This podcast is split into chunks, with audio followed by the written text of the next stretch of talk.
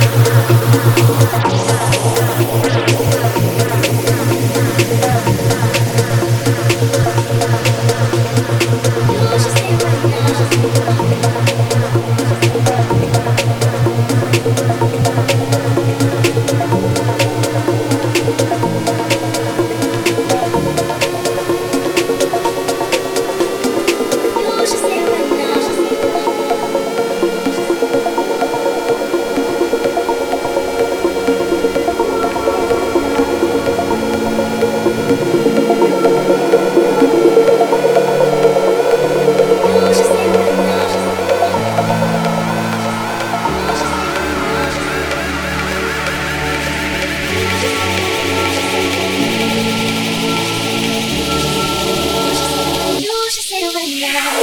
You give me